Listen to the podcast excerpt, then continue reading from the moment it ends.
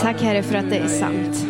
Tack för att du är god Herre Jesus. Tack för att du är trofast. Tack för att du är klippan vi kan bygga våra liv på Herre. Tack för att det är i de mörkaste, i de svåraste stunderna som du bär oss och på ett så tydligt sätt visar att du går vid våran sida Herre Jesus. Herre, jag tackar dig för att oavsett vad vi går igenom, oavsett vad som sker i våra liv, så kan ingenting förändra vem du är. Så kan ingenting förändra det du gjort för oss, så kan ingenting förändra att du har lovat att stå vid vår sida, att du har lovat att bära oss, att du har lovat att vara ljuset i tunneln, Herre Jesus. Herre, nu tackar jag dig för var och en som är här idag, de som följer oss via sändningen, Herre. Att jag bara ber för, för var och en, jag ber om öppna hjärtan, jag ber om lyhörda öron, jag ber om en förväntan på vad du ska tala in i våra liv idag. Jag ber att ditt, liv ska, ditt ord ska komma till liv. Eh, och hjälp oss att, att ta emot det idag eh, och låta det få bli en, en verklighet i våra liv. I Jesu namn vi ber. Amen. Amen. Varsågoda och sitt ner. Idag så kommer vi predika, jag kommer predika om en kvinna i Gamla Testamentet som eh, heter Lea. Jag vet inte om ni är välkända med berättelsen om Lea. Man brukar prata om Lea och Rakel mycket tillsammans, två systrar. Eh, idag kommer vi fokusera mycket på, på Lea, vad hon fick uppleva i sitt liv och eh, liksom dra lärdomar ur hennes liv. För jag tror att vi kan lära mycket av det hon säger, hur hon visar att hon förtröstar och litar på Gud genom livets alla situationer. Eh, men en liten förhistoria då för att förstå liksom, kontexten vi hoppar in i här. Eh, berättelsen börjar med en man som heter Jakob. Jakob är Abrahams barnbarn. Vi hinner inte prata så mycket om Jakob just nu, men det är en spännande historia i sig, så läs gärna den. Allt det här hittar du i första Mosebok. Eh, Jakob, han har gjort sig osams med sin bror. Eh, som sagt, vi hinner inte gå in på det, men de är osams. Och på grund av det så säger Jakobs pappa till honom att gå till ett annat land. Gå till Haran, gå till vår släkting Laban. Det blir nog bra för dig där just nu, för att det är inte bra för dig och brorsan att vara på samma plats. Så. Jobbig familjesituation. Och eh, Jakob gör som hans pappa säger. Han beger sig till det här nya landet och så kommer han dit, dit hans pappa har sagt åt honom att gå. Och där får han syn på en kvinna. Nu tänker ni, ah, Lea som du sa att du ska prata om. Nej, han får syn på hennes syster som heter Rakel. Och han tänker, henne vill jag ha. Den där kvinnan, henne vill jag ha. Hon ska jag leva mitt liv med. Han går till pappa Laban och frågar, Laban jag har sett din dotter Rakel, henne skulle jag väldigt gärna vilja gifta mig med. Och jag vill det så gärna, så jag är villig att jobba hos dig i sju års tid för att få henne. Alltså det är en ansträngning ändå. I den här kulturen så var det vanligt att man jobbade typ så här, eller man gav kanske tre till fyra årslöner i liksom gåva för, i brudgåva så.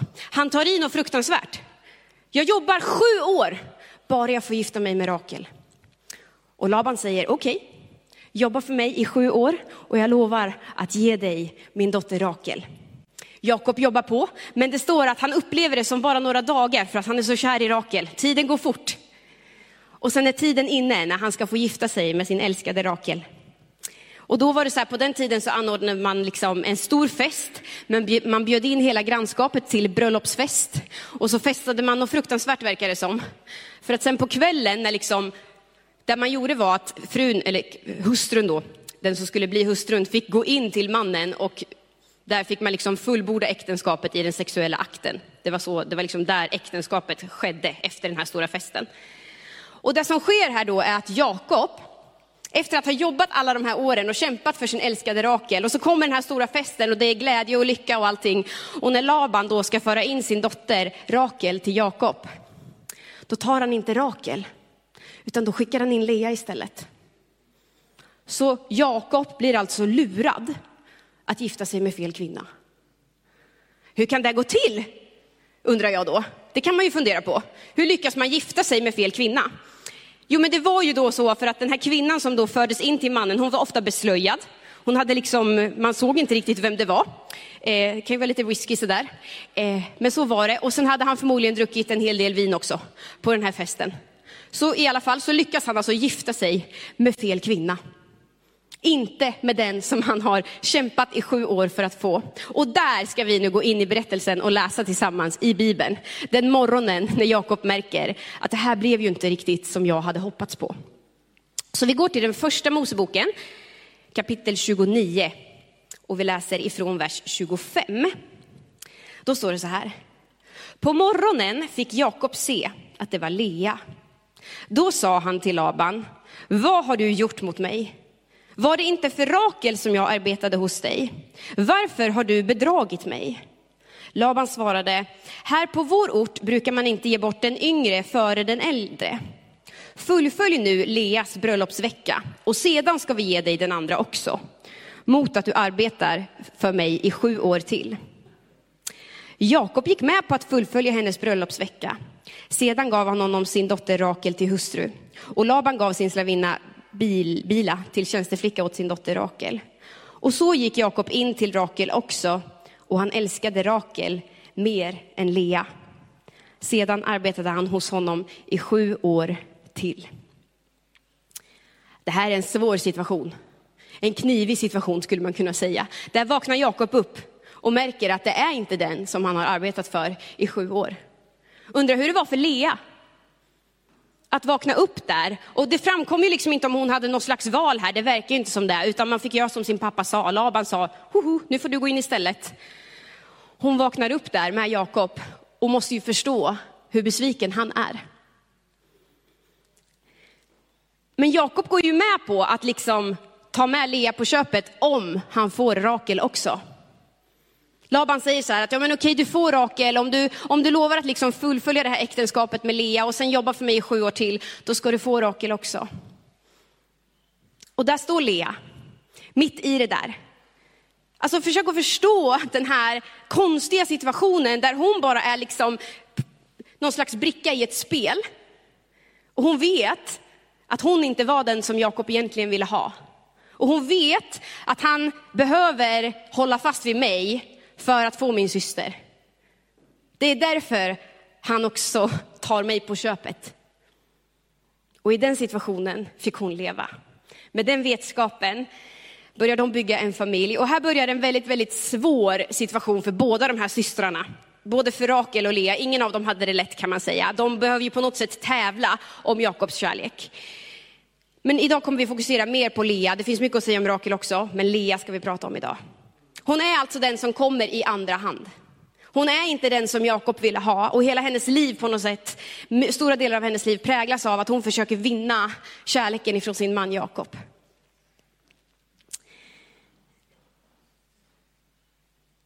Det står att Jakob gick in till Rakel, men han älskade Rakel mer än Lea. Det står där, rakt upp och ner. Han älskade Rakel mer än Lea. Så otroligt svår situation tror jag. Att hela tiden veta, jag är nummer två. Jag är inte den som Jakob ville ha. Men jag fick komma med på köpet. För att han egentligen skulle få det som han ville ha. Men i allt det här så kan vi se hur Gud är så god. Vi fortsätter läsa, om vi fortsätter i vers 31. Om du har med din bibel idag så kan du ha kvar fingret här hela tiden, för vi kommer läsa ett gäng verser ifrån det här kapitlet. Så vi fortsätter läsa i vers 31. Då står det så här, men när Herren såg att Lea inte var älskad som Rakel, gjorde han henne fruktsam, medan Rakel var ofruktsam. Det står där att Herren såg att Lea inte var älskad. Vilken tröst Herren såg att Lea inte var älskad. Vet du att Herren ser den som lider? Herren ser alltid till den som kämpar, till den som har det svårt. Han står alltid på den svages sida. Herren såg till Lea. Och i den här berättelsen så står det att Lea välsignas av Gud så att hon föder söner åt Jakob. På den här tiden så fanns det på något sätt, det fanns inget bättre du kunde göra åt din man än att föda barn. Du var en god hustru om du födde barn åt din man. Och du var en ännu bättre hustru om du lyckades föra, föda söner åt din man. Vilken press. Eftersom att det är något som man så lätt kan påverka. Så. Rut, du fick tre döttrar, men man kan inte få allt. Nej, jag skojar, jag skojar. Vi har två pojkar. Bara, nej, nej hörni. På riktigt, i den här tiden, i den här tiden så var det så att man såg det som att en kvinna gjorde sitt jobb om hon födde söner åt sin man. Det var det absolut bästa hon kunde göra.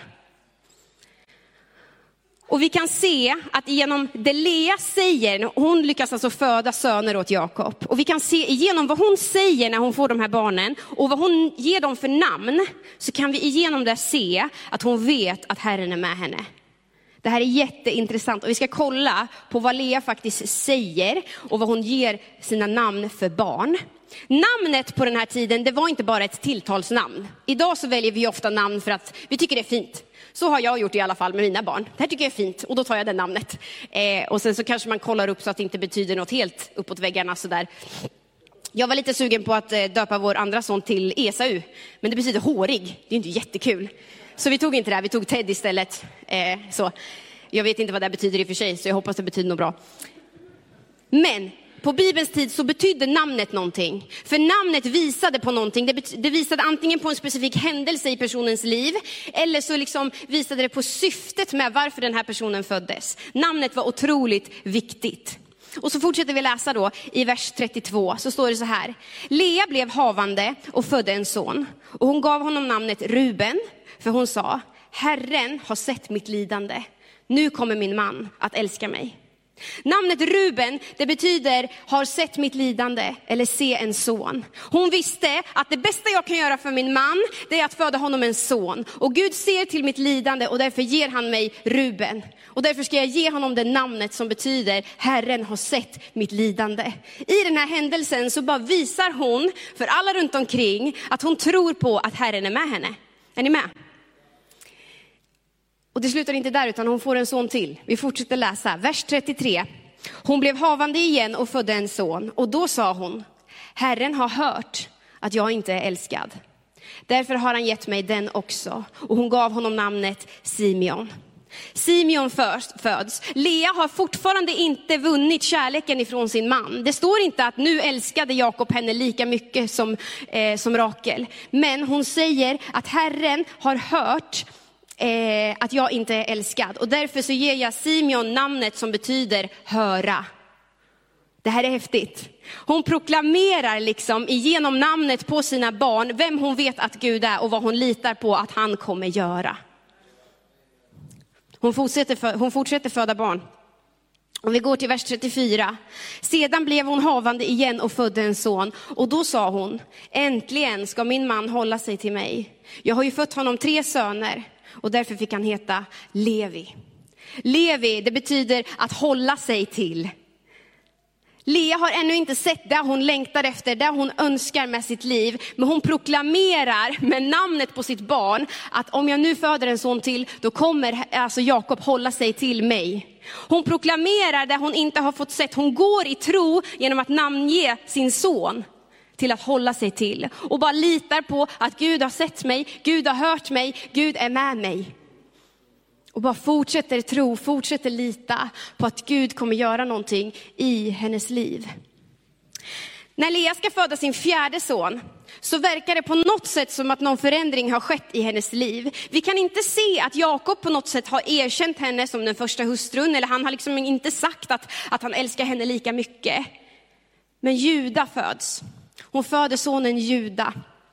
Och det står i vers 35, hon blev havande igen och födde en son. Och då sade hon, nu vill jag tacka Herren. Därför gav hon honom namnet Juda och sedan slutade hon att föda. Juda, det betyder tacka. Hon har fortfarande inte sett det hon längtar efter, det hon önskar förmodligen mest av allt. Men hon väljer att tacka Gud för de välsignelserna han har gett henne. Igenom detta lidande, igenom denna svåra livssituation, så tackar hon Gud för att han, han har ändå gett fyra söner. Och det väljer hon att tacka honom för. Hon väljer att räkna sina välsignelser och tacka Gud för dem. Och inte bara se det som hon inte har sett. Och det är som att hon vet att även om inte Jakob har bekräftat mig, så har Gud bekräftat mig. Jakob ser mig inte på det sättet som jag önskar att han skulle se mig, men jag vet att Gud har sett mig. Gud har sett till mig, Gud har hört till mig, Gud har lyssnat till mig och därför väljer jag att tacka Herren. Och det här tror jag att vi har någonting att lära av. Jag tror att det här kan få bli en inspiration i våra liv idag. Att vi kan få se på Leas liv och låta det bli till en inspiration för oss. Det stod ju här att Lea slutade föda, men det gör hon inte, utan det går en tid och sen föder hon två söner till lite längre fram. Och de väljer hon att döpa till Isaskar, det betyder lön. Herren har gett mig en stor lön. Och sen föder hon Sebulon och det betyder gåva. Jag har fått en gåva. Hon fortsätter att tacka Gud och bara proklamera vem Gud är genom sitt liv. Och som sagt, det här var en helt annan tid. Det var en helt annan kultur. Mycket ser väldigt olika ut. I gamla testamentet så var det väldigt många män som hade flera fruar. Då verkar det på något sätt vara accepterat. När vi kommer till nya testamentet så kan vi tydligt se att Bibeln säger att det är en som gäller. Du ska hålla dig till en, eh, var trogen den och var glad för den. Din man eller hustru. Så är det. Det här var en annan tid. Och just den här berättelsen så kan vi se att Gud valde att välsigna Lea och bekräfta henne genom att ge henne söner. Det betyder inte att Gud inte har bekräftat dig eller Gud inte välsignar dig om du inte har fött barn åt din man. Det är jätteviktigt att säga det. I just den här berättelsen valde Gud att göra så, men det betyder inte att Gud alltid gör så. Och jag vill säga till dig att om det är så att du kämpar med, med en ofrivillig barnlöshet, det här är många som gör, och det är väldigt skuldbelagt och det är väldigt, väldigt jobbigt. Det är inte Gud som har hindrat dig från att få ett barn. Det vill jag säga, och det tror jag av hela mitt hjärta. Vi lever i en fallen värld där väldigt, väldigt mycket är som det inte borde vara. Vi lever i syndens konsekvenser där sorg, sjukdom och ofrivillig barnlöshet härjar. Och vi vet inte varför det drabbar vissa och vissa inte. Men det är inte ditt fel. Det är inte ditt fel. Och jag tror att vi tillsammans kan fortsätta stå i tro, be eh, och be om, om det vi längtar efter. Precis som Lea fortsatte göra. Okej, det var bara en liten passus som jag också ville säga. Vad är det då för lärdomar vi kan ta av Leas liv? Vad lär vi av henne? Jo, för det första, vi kan lita på att Gud ser oss. Psalm 34 säger att Herren ser den som har ett förkrossat hjärta. Herren är nära, tror jag till och med det står. Herren är nära den som har ett förkrossat hjärta. Gud lovar i sitt ord att vara nära dig. Han har lovat det. Oavsett livssituation, oavsett om du kanske befinner dig i en situation just nu där du känner att det är jag själv som har orsakat att det är så här problematiskt. Så har Gud ändå lovat att vara med dig. Vi kan, precis som Lea, lita på att Gud hör oss. Gud hör oss. Vet du att när du ber till Gud, när du ropar till Gud, om du ropar högt eller tyst, så stannar himlen upp tror jag. Himlen vänder sitt öra till oss när vi uttrycker våra hjärtan till Gud. Det står att Jesus sitter på Faderns högra sida och manar gott för oss. Det står att den helige ande är utgjuten i våra hjärtan och ber till oss, eh, inte till oss, ber för oss. Himlen är vänd mot ditt hjärtas rop. Precis som det var mot Leas. Gud hörde Lea, Gud hör din bön. Gud hör din bön, tro aldrig något annat. Gud hör dig. Han hör ditt hjärtas rop. Jag tror att vi kan, precis som Lea, välja att tacka igenom allt. Oavsett situation, vi behöver inte tacka för det som är jobbigt. Vi behöver inte tacka för det som är svårt, men vi kan få tacka Gud igenom allt och hjälpa varandra att se det som faktiskt är välsignelser i våra liv, även när det är svårt.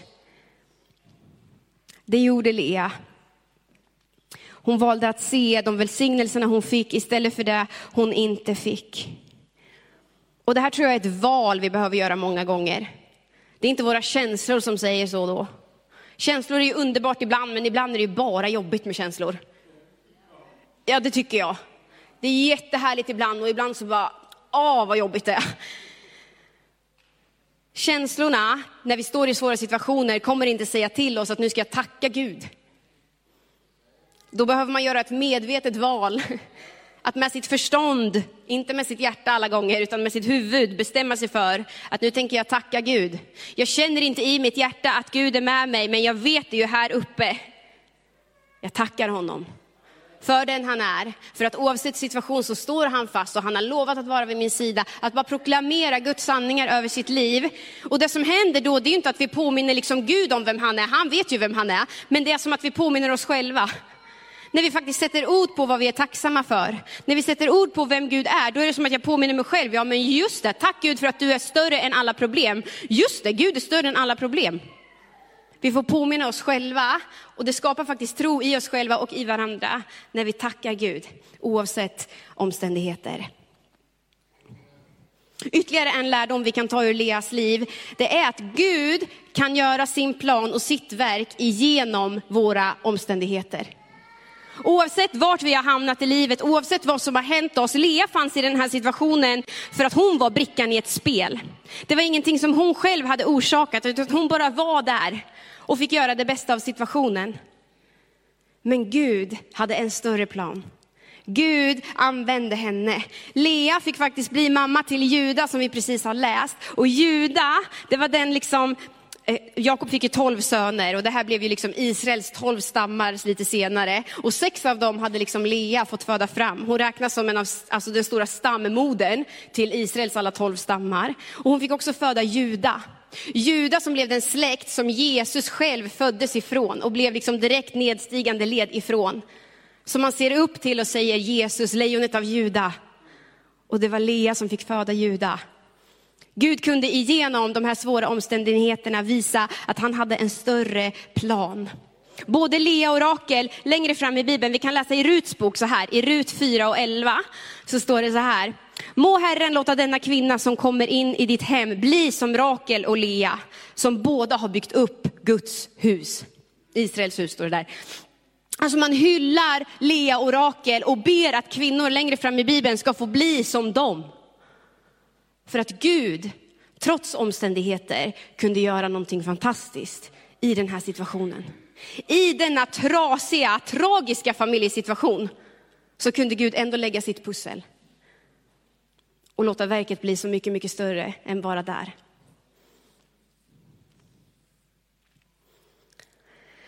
Till min avslutning så skulle jag också vilja säga någonting om att Lea och Rakel genom hela sina liv på något sätt tävlade de om Jakobs kärlek.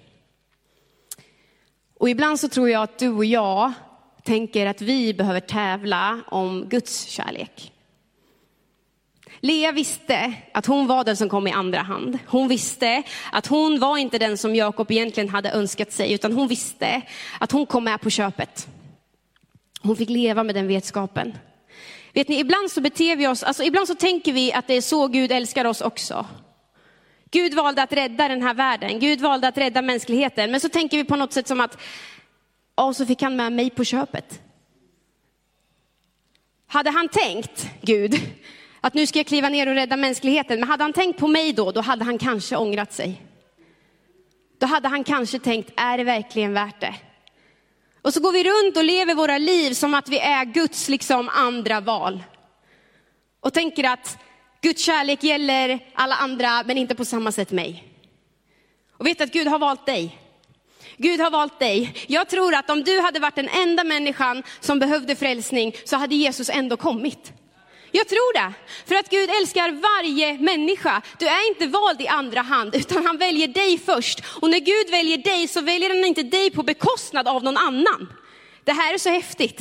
I Johannes 1 och 12 så står det så här, men åt alla som tog emot honom gav han rätten att bli Guds barn. Och de som tror på hans namn. Det står, men åt alla. Alla. Vet du, alla i grundtexten, det betyder alla alla. Om du inte är med i alla, då, ja, då behöver vi prata på riktigt. Men åt alla som tog emot honom gav han rätten att bli Guds barn. Vet du, om du har tagit emot Jesus i ditt hjärta, då har du samma rätt som precis alla andra att vara Guds barn. Och det betyder att Gud älskar dig precis lika mycket som den som sitter bredvid dig. Eller alltså som alla andra. Och Guds kärlek är så mycket större än den kärleken vi kan ha. Vi kan inte fatta Guds kärlek. Men den tar aldrig slut, den räcker alltid till. Gud har liksom inte slösat ut sin kärlek på alla andra som, som vill leva med honom, utan den räcker för dig också. Du är inte vald i andra hand, du har inte kommit med på köpet, utan han köpte dig, för han ville ha just dig. När vi skulle få, vi har ju två, två fantastiska pojkar just nu och vi fick Leon för snart två år sedan och sen när, jag, när vi väntade vårt andra barn, då sa min mamma så här till mig, Malin, är du nervös att du inte ska älska den här lika mycket som Leon? Jag bara, nej, det har jag aldrig ens tänkt på. Hon bara, nej vad bra, för jag var så nervös för den när jag väntade dig. Jaha. Så här, jag är också nummer två. Hon bara, men jag tänkte hur ska jag kunna älska någon så mycket som jag älskar mitt första barn? Och sen sa hon, men så fort du kom så behövde jag aldrig tänka den tanken. Och vet ni, så är det. Man kan inte välja vilket barn man älskar mest. För kärleken räcker till 100% för den, till 100% för den, till 100% för den. Och så är det när Gud älskar oss också. Det är 100% till varje själ. Och det här är så viktigt. Ibland så pratar vi om Guds kärlek som så här, ja vi pratar så mycket om Guds kärlek, kan vi inte prata om något annat? Men vet du att om inte det här med Guds kärlek har landat i vårt liv, då kommer allt annat bli så fruktansvärt jobbigt. Men om det här verkligen får landa, om det här får vara botten, fundamentet i mitt liv, att jag vet att jag är älskad av Gud, jag vet att jag är utvald av honom, då kommer mycket, mycket annat landa också. Då kommer de andra pusselbitarna falla på plats. Det är därför det här är så viktigt, det här är botten och fundamentet i våran tro, att Gud älskar oss. Att han har sträckt ut handen och sagt, jag väljer dig och inte på bekostnad av någon annan. Så, vi ska gå in i en stund av, av betjäning och förbön och lovsång. Och kanske är det så att du sitter här idag och behöver bli påmind om att Gud ser dig. Gud ser din situation, då ska vi be för dig. Kanske är det så att du behöver bli påmind om att Gud faktiskt hör dig när du ropar till honom. Då ska vi be för dig. Kanske är det så att du befinner dig i en situation där du liksom, du ser inte hur Gud ska kunna göra sitt verk genom de omständigheterna du står i nu. Då vill vi be för dig. Kanske är du här och på nytt vill börja tacka Gud, trots att det är svårt och att det är jobbigt i ditt liv just nu. Tacka Gud. Tycker att det är svårt så vill vi göra det tillsammans med dig. Och kanske var du här idag som bara behöver bli påmind om att Gud älskar dig. Han älskar dig så otroligt mycket. Och det här kanske kan få vara förmiddagen när det för första gången bara får landa i ditt liv på riktigt. Att du vet att du är utvald och älskad av Gud. Och att han väljer dig först. Du är inget andrahandsval, du kom inte med på köpet. Utan han köpte dig fri. Nu ber vi tillsammans.